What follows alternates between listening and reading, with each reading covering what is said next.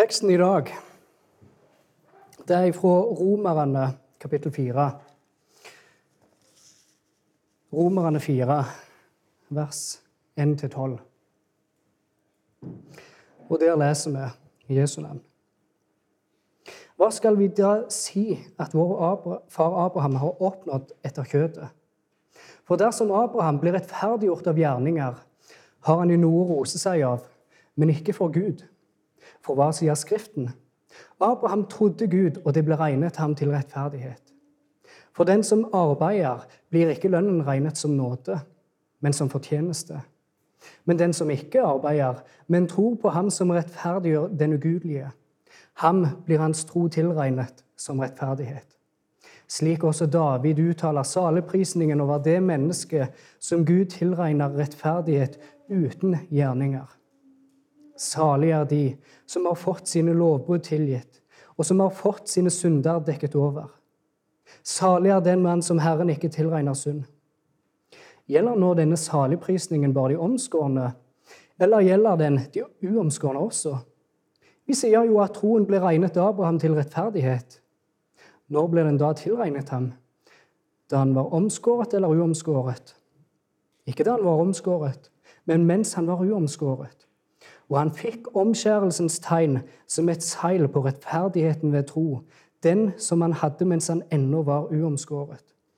Og slik skulle han bli far til alle dem som ikke er omskårne, men som tror. Så rettferdigheten kunne bli tilregnet dem også. Han ble også far til de omskårne.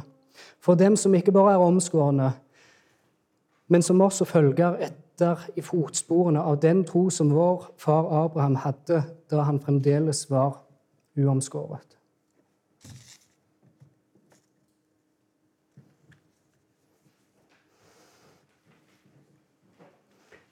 Ikke hvordan det er med dere, men eh, mange ganger når jeg tidligere har lest Bibelen, så har jeg lest en tekst. Jeg meg bare å fortsette å lese videre uten å forstå faktisk hvor viktige noen visse tekster var. Og det var, det var litt tilfelle når jeg jobba med denne teksten. Jeg har lest den før, kjenner til teksten. Men det var ikke før jeg begynte å jobbe med den nå til denne talen, at jeg innså hvor viktig denne teksten faktisk er for oss. Og hvorfor er teksten viktig? På grunn av at det er Guds ord, og Guds ord er viktig for oss? Ja, så klart. Men òg av at, eh, som vi allerede har sett Paulus har gjort i Romerbrevet nå, der han f.eks. i kapittel 1 og vers 17 sier at eh, for i det, altså i evangeliet, blir Guds rettferdighet åpenbart av tro til tro, som det står skrevet. Den som er rettferdig av tro, skal leve der han siterer fra Habakuk 2,4. Eller i Romerne 2,6, der det står at han skal gi enhver etter hans gjerninger. Der siterer han til Salme 62. Eller fra Romerne 3, når han legger ut om menneskets totale syndeforderv, fra vers 10 til 18. Så siterer Paulus både fra salmene og fra Jesaja. Og Han gjør dette for å vise oss det han skriver om, det er ikke noe ny lære. Det er ikke noe nye i det han kommer med. Og det er ikke noe som er ukjent for Gamle testamentet. Men snarere tvert imot. Paulus bygger sin teologi ut ifra Det gamle testamentet, ut ifra Skriftene, for å bekrefte det som han skal snakke om nå. Og Når vi nå er kommet til rettferdiggjørelsen, så blir det desto viktigere for Paulus å poengtere at eh, rettferdiggjørelsen det ble også lært i Det gamle testamentet. Det er heller ikke noe ny idé i Det nye testamentet.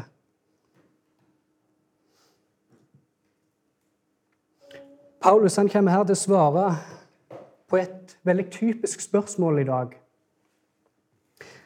Nemlig dette Er det to ulike måter å bli frelst på? Et spørsmål som ofte er blitt stilt ut fra denne teksten.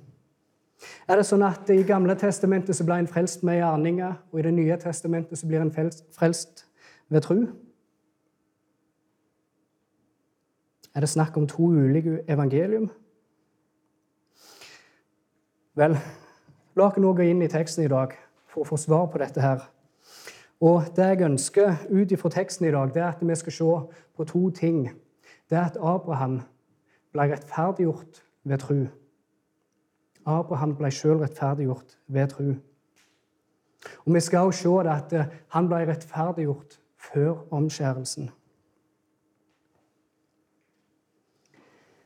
Det som igjen er viktig å huske, er at selv om vi nå har kommet til kapittel 4, så er det viktig å huske på at det var ikke opprinnelig oppdelt i kapittel og vers i Bibelen. Men Paulus er fremdeles på den samme tråden som han har vært i kapittel 3. Der vi så i slutten av eh, kapittel 3 at eh, både jøder og hedninger blir rettferdiggjort av Gud ved tro. Og denne frelsen i seg sjøl er et fantastisk verk av Gud. Gud som er arkitekten og mesteren bak hele frelsen. Det er han som utfører det, og han gjør det bare av nåde. Og alt dette her forteller oss, som vi så sist gang vi var i Romerne, at det er all ros er utelukka. Vi har ingen grunn til å skryte og si vi har oppnådd noe sjøl for frelsen. Og Paulus han fortsetter litt her på samme tanken i vers 1 og 2. Hva skal vi da si? At vår far Abraham har oppnådd etter kjøtet. For dersom Abraham blir rettferdiggjort av gjerninger, har han jo noe å rose seg av, men ikke for Gud. Hvis det faktisk var tilfellet at Abraham ble rettferdiggjort av gjerninger, så hadde han jo noe å rose seg av. Da hadde han noe på sin CV, om du vil, men ikke for Gud, som det sto. Det er ikke sånn det virker med Gud. At gode gjerninger er det som skal frelse oss. Og mennesket prøver, og har gjennom hele historien prøvd å oppnå frelse og sjølrettferdighet. Og de vil også ta sin del av æren for frelsen. Men det nytter ikke. Men ikke for Gud. For, så det står videre i vers 3, for hva sier Skriften? Abraham trodde Gud, og det ble regnet ham til rettferdighet. Paulus han siterer her fra 1. Mosebok 15, der vi kan lese den kjente historien om at eh, når Gud kommer til Abraham med et løfte om at hans ett skulle bli så tallrike som stjerner på himmelen. Og dette løftet fikk Abraham når han faktisk sjøl var uten barn. Så fikk han løftet om at hans ett skulle bli så tallrike som stjerner på himmelen. Og videre så inngår Gud en pakt med Abraham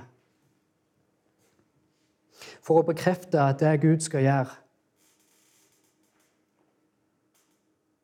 Og I vers 6 i første Mosebok 15 så står det og han trodde på Herren, og han regnet ham det til rettferdighet. Gud hadde også tidligere i første Mosebok 12 gitt løfte til Abraham om at han skulle bli et stort folk, og at han skulle bli en velsignelse. Og I første Mosebok 15 så ble jeg sitert det her i Romerne 4.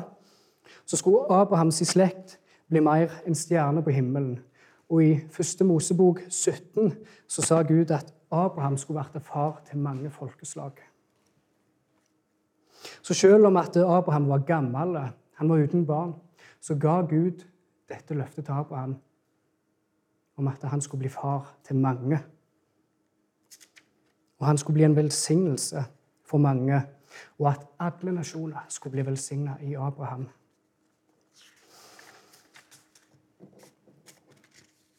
Men da kan jo kanskje et spørsmål komme. Ok, Det sto jo her at det ble regna Abraham til rettferdighet. Men var det ikke bare det at Abraham stolte på det løftet Gud ga om at han skulle bli far til, til mange folkeslag? Og at hans slekt skulle bli så tallrike som stjerner på himmelen? Var det ikke det løftet handla om? For når vi i dag snakker om frelse, så sier jo vi at eh, hvis du tror på Jesus, så skal du bli frelst. Og det er da du blir erklært for rettferdig av Gud. Er det da snakk om to ulike ting her? At det var at Abraham bare skulle stole på løftet om å bli far. Vi skulle stole på Jesus. Vel, for å få et svar på dette her, så vil jeg at dere skal være med meg til Galaterbrevet, kapittel 3.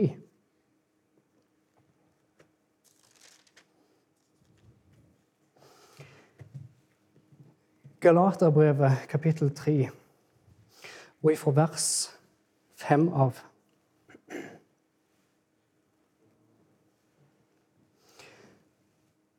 Han som gir dere ånden og virker kraftige gjerninger blant dere.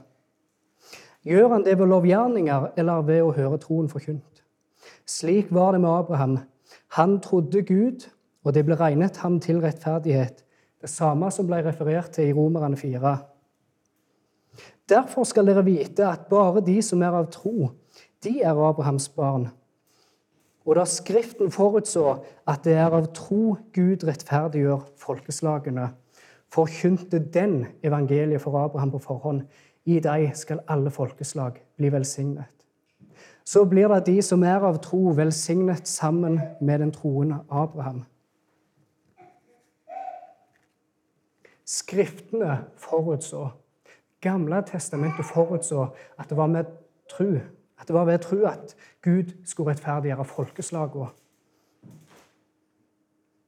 Og Skriftene i Det gamle testamentet det forkynte evangeliet for Abraham. Der løftet til Abraham var i deg skal alle folkeslag bli velsigna. Ut ifra din ett skal alle folk på jord bli velsigna. Og Gud ga, som sagt, et løfte om at eh, slekta, etter Abraham, skulle bli tallrike. Og ikke bare det, men faktisk i det løftet i seg sjøl så finner vi evangeliet om Jesus. For så Gud sa til Abraham, i deg skal alle slekter på jorden bli velsignet. Ut ifra Abraham, ut ifra hans ett, skulle det komme en frelser. Så Gud tidligere til og med før Abraham hadde gitt løfte om Han ga løfte om det til Adam og Eva. At Messias skulle komme og knuse slangen sitt hode. En frelser skulle bli gitt. Og så jeg sa, i dette løftet i første Mosebok 15 så lå evangeliet. Og Når vi leser i Matteusevangeliet, så begynner han med å legge ut slektslinja til Jesus. Der det begynner med Abraham. Det går 42 i slektsledd fram i tid, der vi til slutt kommer til Jesus og blir født av jomfru Maria.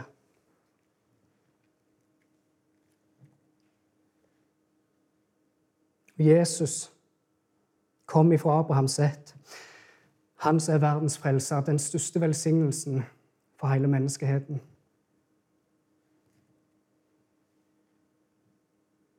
Han som kom for å frelse de som tror på han. Og det var han.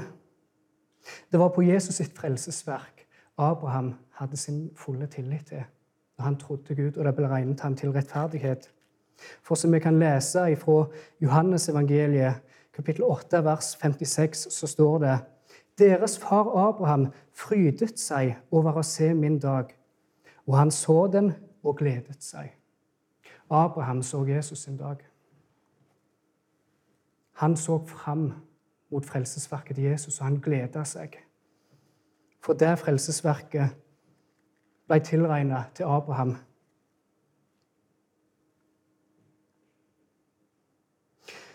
Og på den måten, når vi tror på Gud, når vi sjøl tror på Gud, på hans trofasthet, så blir det òg regna oss til rettferdighet. På samme måte som det skjedde med Abraham. Og Poenget her er ikke at med dette eksempelet at eh, Abraham hadde samme tro som oss. Men poenget her er at eh, vi har den samme frelsende tro som Abraham hadde. Han er vårt forbilde i tro, om du vil.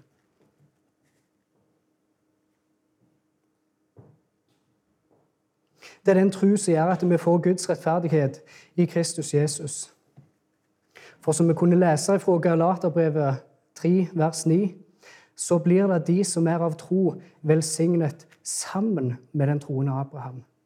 Det er han som er vårt forbilde i tro. Og vår tro Vår tro den samme troa som Abraham hadde. Så det er løftet som Paulus siterer her fra vers 3 av i Romerne 4, fra 1. Mosebok 15, der lå evangeliet for oss og for Abraham. Men igjen når det er snakk om dette, her, så kommer det også et slags problem, om du vil. For når en tenker på dette verset, eh, fra vers 3 av i Romerne 4, så er det mange som gjerne vil tenke ok, men i Jakobs brev, da, snakker ikke Jakob og spør ble ikke vår far Abraham rettferdiggjort av gjerninger da han ofret sin sønn Isak på alteret? Det som er viktig med å huske konteksten i Jakobs brev, for det han snakker om fra kapittel 2, vers 14 av Da spør han først hva gagner det, mine brødre, om noen sier at han har tro, men ikke har gjerninger? Kan troen frelse han? Under reformasjonen så formulerte reformatorene en setning som heter 'rettferdiggjørelse ved tro alene'. Men Seinere la de òg til en lita fotnote til at det ble rettferdiggjørelse ved tro alene, men ikke av ei tru som står alene. For det som er poenget til Jakob, det er hvis at trua bare er en bekjennelse at en tror Ser på eh, evangeliet som en teknikalitet eller bare en flott historie, om du vil, så vil det bare bli ei død tru. Hvis en ikke har en tillit til at det er det som evangeliet snakker om, den frelsen som Jesus gir, at det gjelder deg Hvis du ikke tror det, så vil det bare være ei død tro. Og hvis ikke gode gjerninger faktisk følger som et resultat av frelsen, så er det ei død tro. Og det gagner ingenting for vår neste.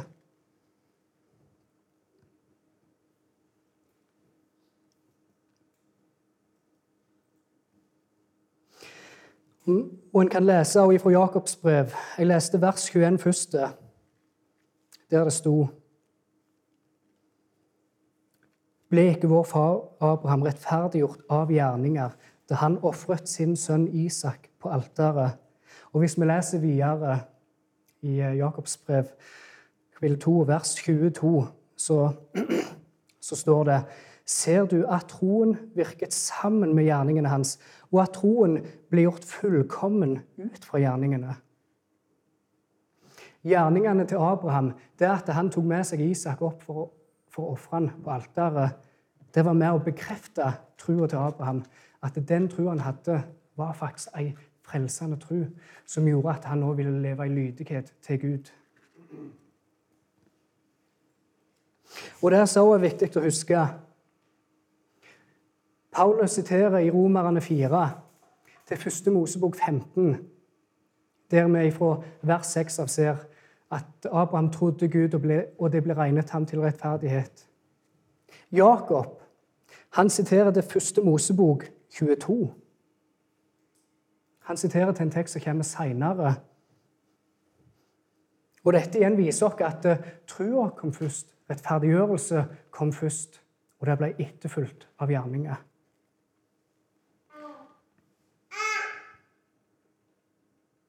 Så det er ikke noe slåsskamp, det er ikke noe uenighet mellom Jakob og Paulus. Men de har budskap som bekrefter det samme. For Paulus går videre i romerbrevet og snakker om på grunn av vi er blitt frelst. Skal vi bare fortsette å leve i synd for at Guds nåde kan bli så mye større? Nei, på ingen måte. Vi døde jo ifra synd.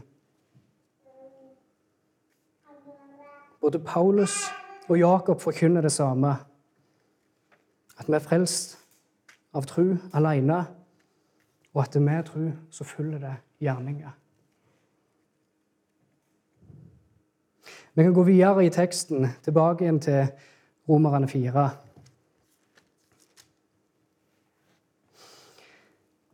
Og vi leser fra vers 4. For den som arbeider, blir ikke lønnen regnet som nåde, men som fortjeneste. Men den som ikke arbeider, men tror på ham som rettferdiggjør den ugudelige, ham blir hans tro tilregnet som rettferdighet. Det Paulus først har gjort oss nå, det er at han har tatt et historisk overblikk og gått tilbake til Abraham for å vise at han også ble rettferdiggjort av tro. Og Paulus skal fortsette, og han skal legge til litt ekstra nå. Og det som er stort av frelsen, det er jo at den er bare av nåde. Det er Guds gode gave for oss.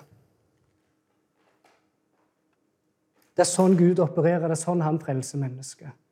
Av sin nåde som han sjøl velger å gi til den han vil. Men så det sto for den som arbeider, så blir ikke lønn å regne som nåde, men som fortjeneste. Og er det noe med mennesket og hele menneskeheten, som jeg har sagt tidligere, med religiøse vesen Og mennesket liker nettopp det å arbeide. En ønsker å gjøre gode gjerninger for å oppnå frelse sjøl. En ønsker å kunne oppnå en egen rettferdighet. En ønsker å kunne holde loven, og det i seg sjøl er som har sett, var jo veldig viktig for en jøde, for de setter jo setter nettopp sin ros i at de holdt loven. Men å bare jobbe og streve og prøve å oppnå egen rettferdighet, så fører det bare til fortapelse. Det beste vi kan gi til Gud, det er, som profeten sier, vår beste gjerning er som skitne filler. Når jeg har hørt det verset, så har jeg alltid tenkt tilbake når jeg var hjemme og molka i fjos og skulle vaske juret på kyrne. Og husker alltid etter hadde vaska dem, så var de skitne og fæle. Det blir på en måte som om jeg skulle gitt dem til Gud og presentert det som mine beste gjerninger. Det ville bare vært noe han heiv vekk. Og tingen er, om vi bare så har gjort ei lita synd, så er vi, likevel, er vi likevel skyldige i å bryte alle bud. Og alle kravene et menneske trodde en hadde på frelse og rettferdiggjørelse, det forsvinner. Men, så det står videre Den som ikke arbeider, men tror på Han som rettferdiggjør den ugudelige, til ham blir hans tro tilregnet som rettferdighet. Den som ikke arbeider, men som setter, og som ikke setter sin tillit til egne gjerninger, men som setter sin tillit til Jesus sine gjerninger. Det er til det mennesket Gud tilregner rettferdighet. Og igjen her er det viktig å presisere. Det er ikke snakk om styrken i vår tro eller intensiteten i vår tro. Poenget her handler om objektet av vår tro, som er Jesus. For så det sto 'Han som rettferdiggjør den ugudelige'. Så det er ikke trua, i seg sjøl som frelser oss, men det er hvem trua vår er retta mot. Og det er Jesus som er objektet av vår tro, og det er han vi finner frelsen. Og til det mennesket, da, som er blitt rettferdiggjort av Gud,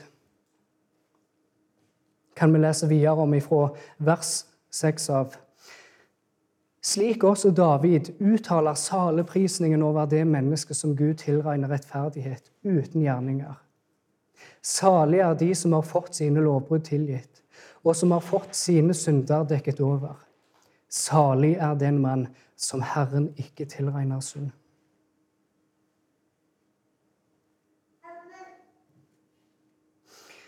Salig er den som har fått sine lovbrudd tilgitt.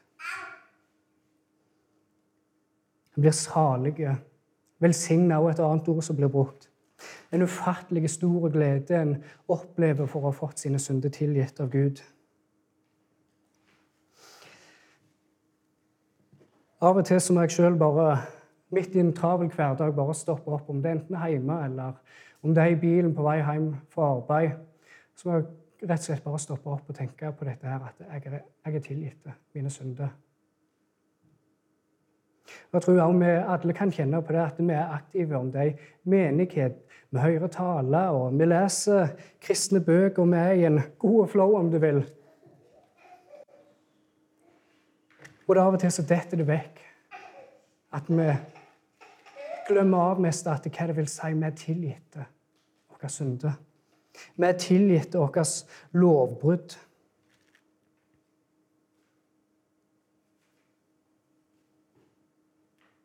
Og bare tenk deg altså Våre synder er en så stor fornærmelse imot Gud og hans karakter, imot hans natur. Vi brøter hans lov, og vi har vært i direkte opprør imot Gud.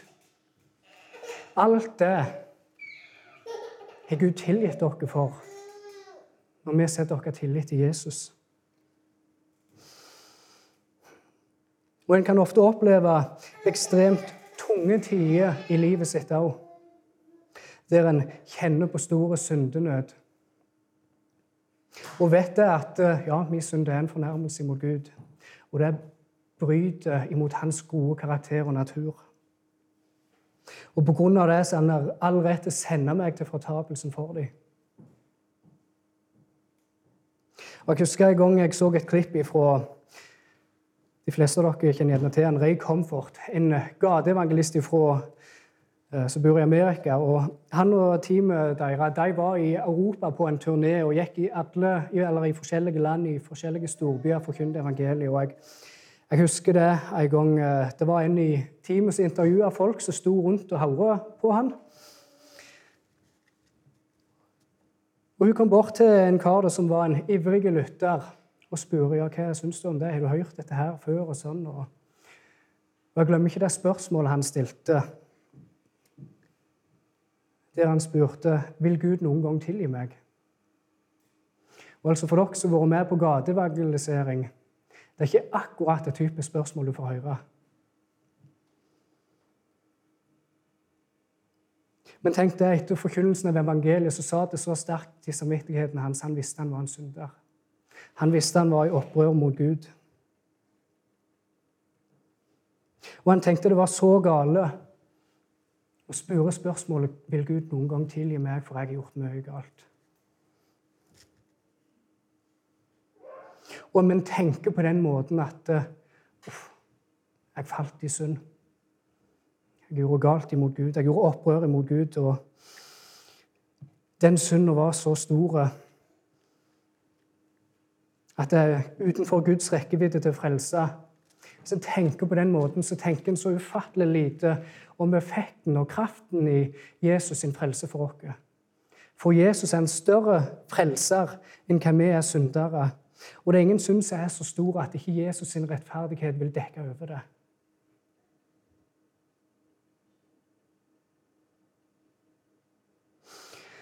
Og bare tenk på det, den guden som skapte himmel og jord. Han som skapte oss og ga oss betingelser for hvordan vi skal leve livet. Og vi heller velger å gå i opprør mot Gud, bryte Hans lov, synde imot Gud. Den guden som det ble gått uretten imot, han sjøl velger å ta på seg en menneskeskikkelse. Jesus Kristus ble som en av oss. Han gikk i døden for oss, tok våre synder på seg sjøl, og han nagla dem til korset. Altså den guden som ble begått urett mot, han sjøl valgte å betale prisen for våre synder.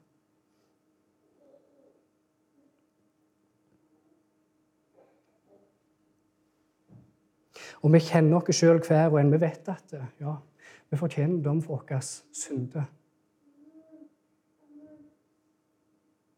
Men på tross av det så har vi likevel fått tilgivelse.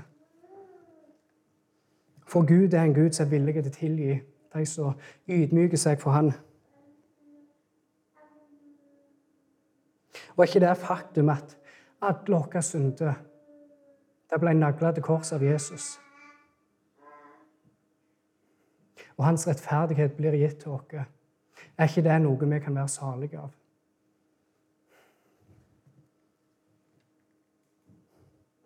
Vår rettferdighet den er dekket over av Jesus' sin rettferdighet. Og når Gud da ser på oss, så ser han på oss. Og han ser på deg og sier at du er perfekt. Og jeg vet det at uh, for mange konservative kristne å si noe sånn, så kan det vekke om det enten sinne eller ja, ja, pass deg nå, Thomas. Pass deg for hva du sier. For vi som er konservative kristne vi har ofte en stor vane for Hvis en snakker om synd, da er det ja, den synden er min, og det er et stort opprør imot Gud, og jeg fortjener dom. Jeg fortjener helvete for den synden. Og Gud har all rett til å dømme meg. En er veldig hard og bastante på det. Og det er rett, det som blir sagt òg. Men jeg har merka mange ganger hvis en går til å snakke om effekten av rettferdiggjørelsen, så snakker en om det på en måte som Ja, ja, det er bare av nåde. Husk det. Du fortjener det ikke. Jeg har fått det som en gave fra Gud, ufortjent. Ikke prøv å legge til noe mer enn å huske på hvem du en gang var. Husk på hva det kosta Gud å frelse deg. En snakker om det på en måte som om at eh, Gud har benådet dere, men faktum er at Gud har rettferdiggjort dere. Og på grunn av at Jesus sin rettferdighet dekker over våre synder, så ser Gud på meg, og han ser på alle dere som bekjenner Jesus som frelser og sier du er perfekte. Han ser på ditt liv og ser at det, det er et liv som har fulgt Guds vilje og levd etter Guds vilje 100% Det er ikke noe feil. For det er Jesus sin rettferdighet han ser.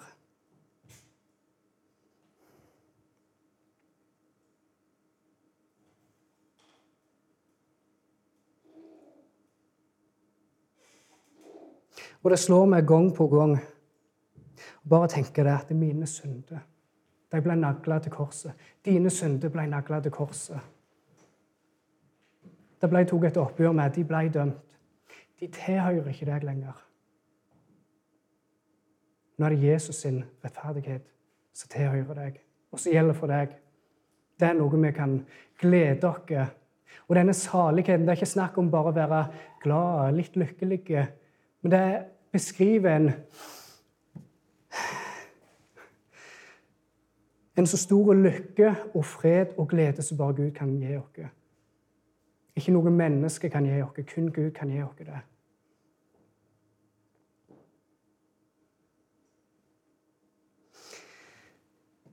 Videre da om denne saligprisningen så kommer Paulus og stiller et spørsmål i vers 9. Gjelder nå denne saligprisningen bare de omskårne, eller gjelder den de uomskårne også? Vi sier jo at troen ble regnet Abraham til rettferdighet. Det Paulus egentlig spør om her, det er må en være omskjært for å bli frelst. Må en være omskjært for å oppnå denne saligheten?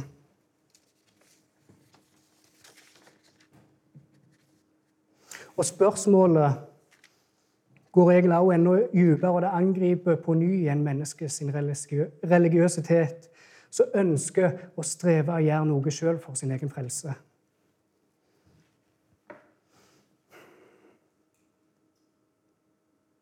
Så For å svare på dette spørsmålet så går Paulus videre sin diatribe og sier det. Vi sier jo at troen ble regnet Abraham til rettferdighet. Når ble den da tilregnet ham? Da han var omskåret eller uomskåret? Ikke da han var omskåret, men mens han var uomskåret. Og han fikk omskjærelsens tegn som et seil på rettferdigheten ved tro, den som han hadde mens han ennå var uomskåret. Og slik skulle han bli far til alle dem som ikke er omskårne, men som tror, så rettferdigheten kunne bli tilregnet dem også. Gud regner Abraham til rettferdighet, som vi så her i vers 3, og som det ble sitert i 1. Mosebok 15. Abraham trodde Gud og ble rettferdig. Og dette skjedde før han ble omskåren.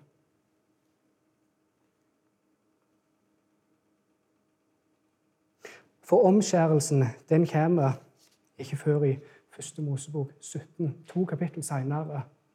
Som vi ser, Det var ikke avhengig av omskjærelsen om at Gud erklærte Abraham for rettferdige, men det var med tro.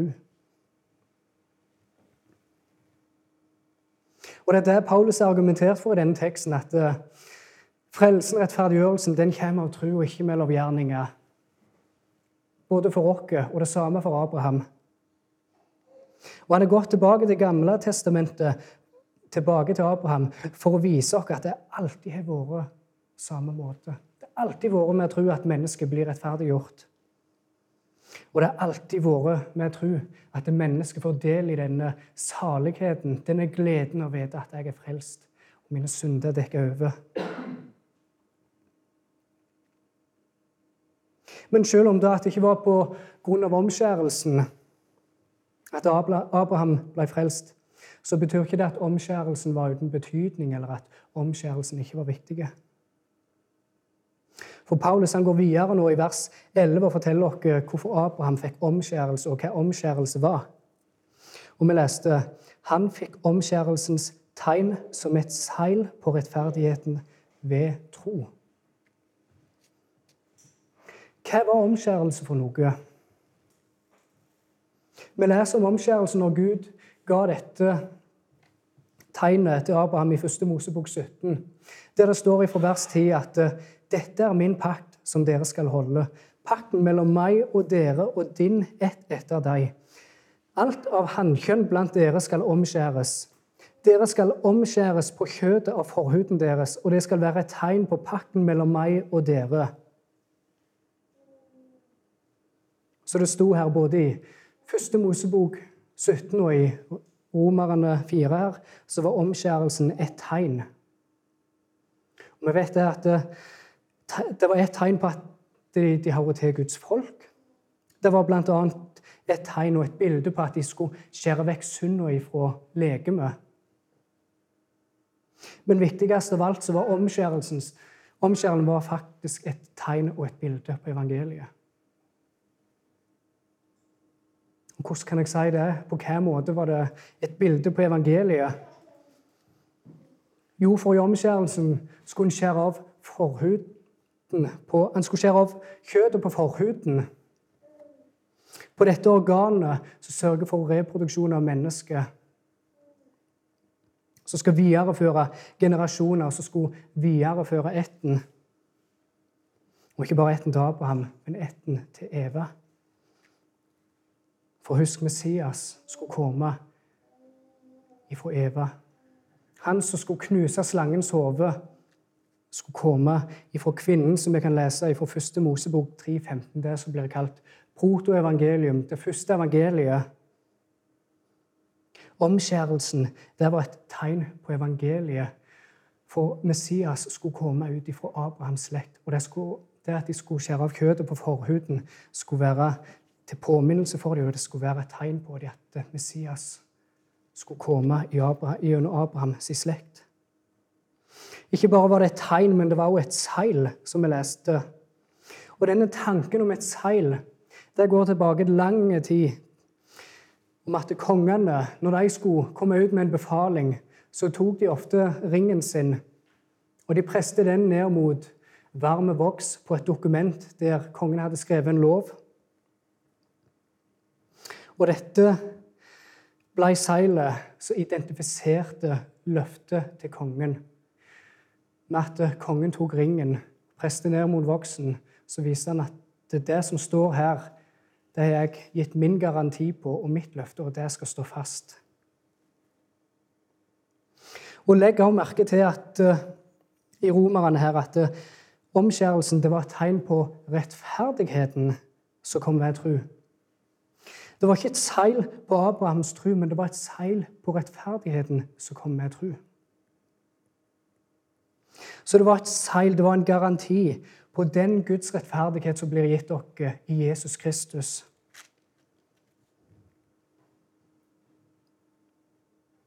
Og alt det som både så omskjærelsen inneholdt, alt det løftet som ble knytta til, alt bildet som det symboliserte, det kom til oppfyllelse med tro.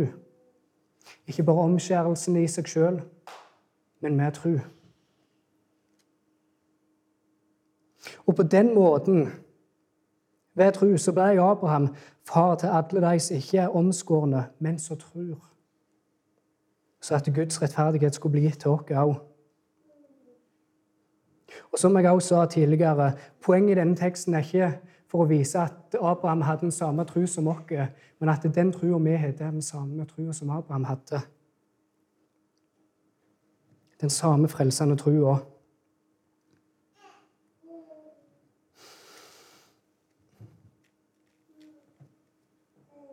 For vi som er Guds folk, så er det jo ikke omskjærelse som gjelder lenger. Men vi har nå dåpen som Jesus har gitt til oss, som vi skal gi til både de som tror, og til deres barn. La oss nå òg vandre i fotsporet til Abraham, både med tro på en frelsende tro på Jesus, og at gjerninga blir etterfulgt av det. Og at vi òg er som Abraham, gir paktstegnet til de som skal ha det. Selv om dåpen er annerledes, en omskjærelse med at en ikke skjærer av kjøttet på forhuden, men med at en enten dypper eller sprinkler vann, så er det dette tegnet Gud har gitt dere i dag. Og dette tegnet skal også bli videreført i generasjoner, akkurat som omskjærelsen skulle. Abraham fikk dette tegnet for at han skulle videreføre det i generasjoner etter generasjon. Han fikk et langsiktig løfte. Han skulle se langt fram, og det kan vi òg gjøre.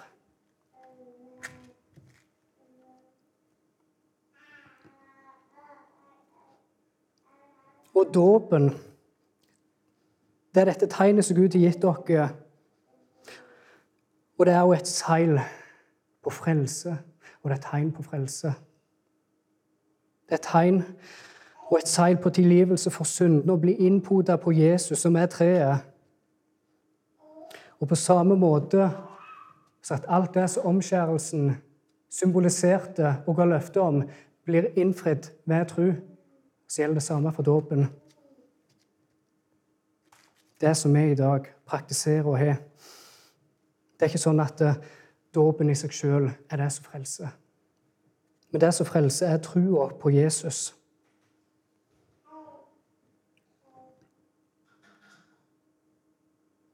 Vi har også sett i dag at eh,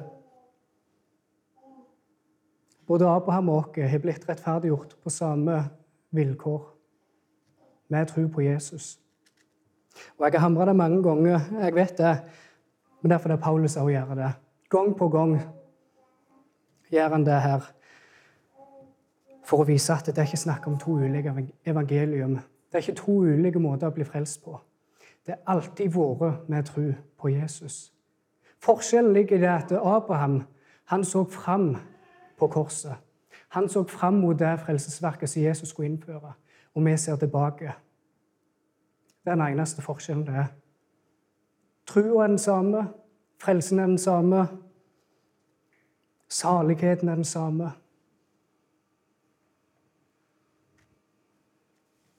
Så det er ett og samme evangelium.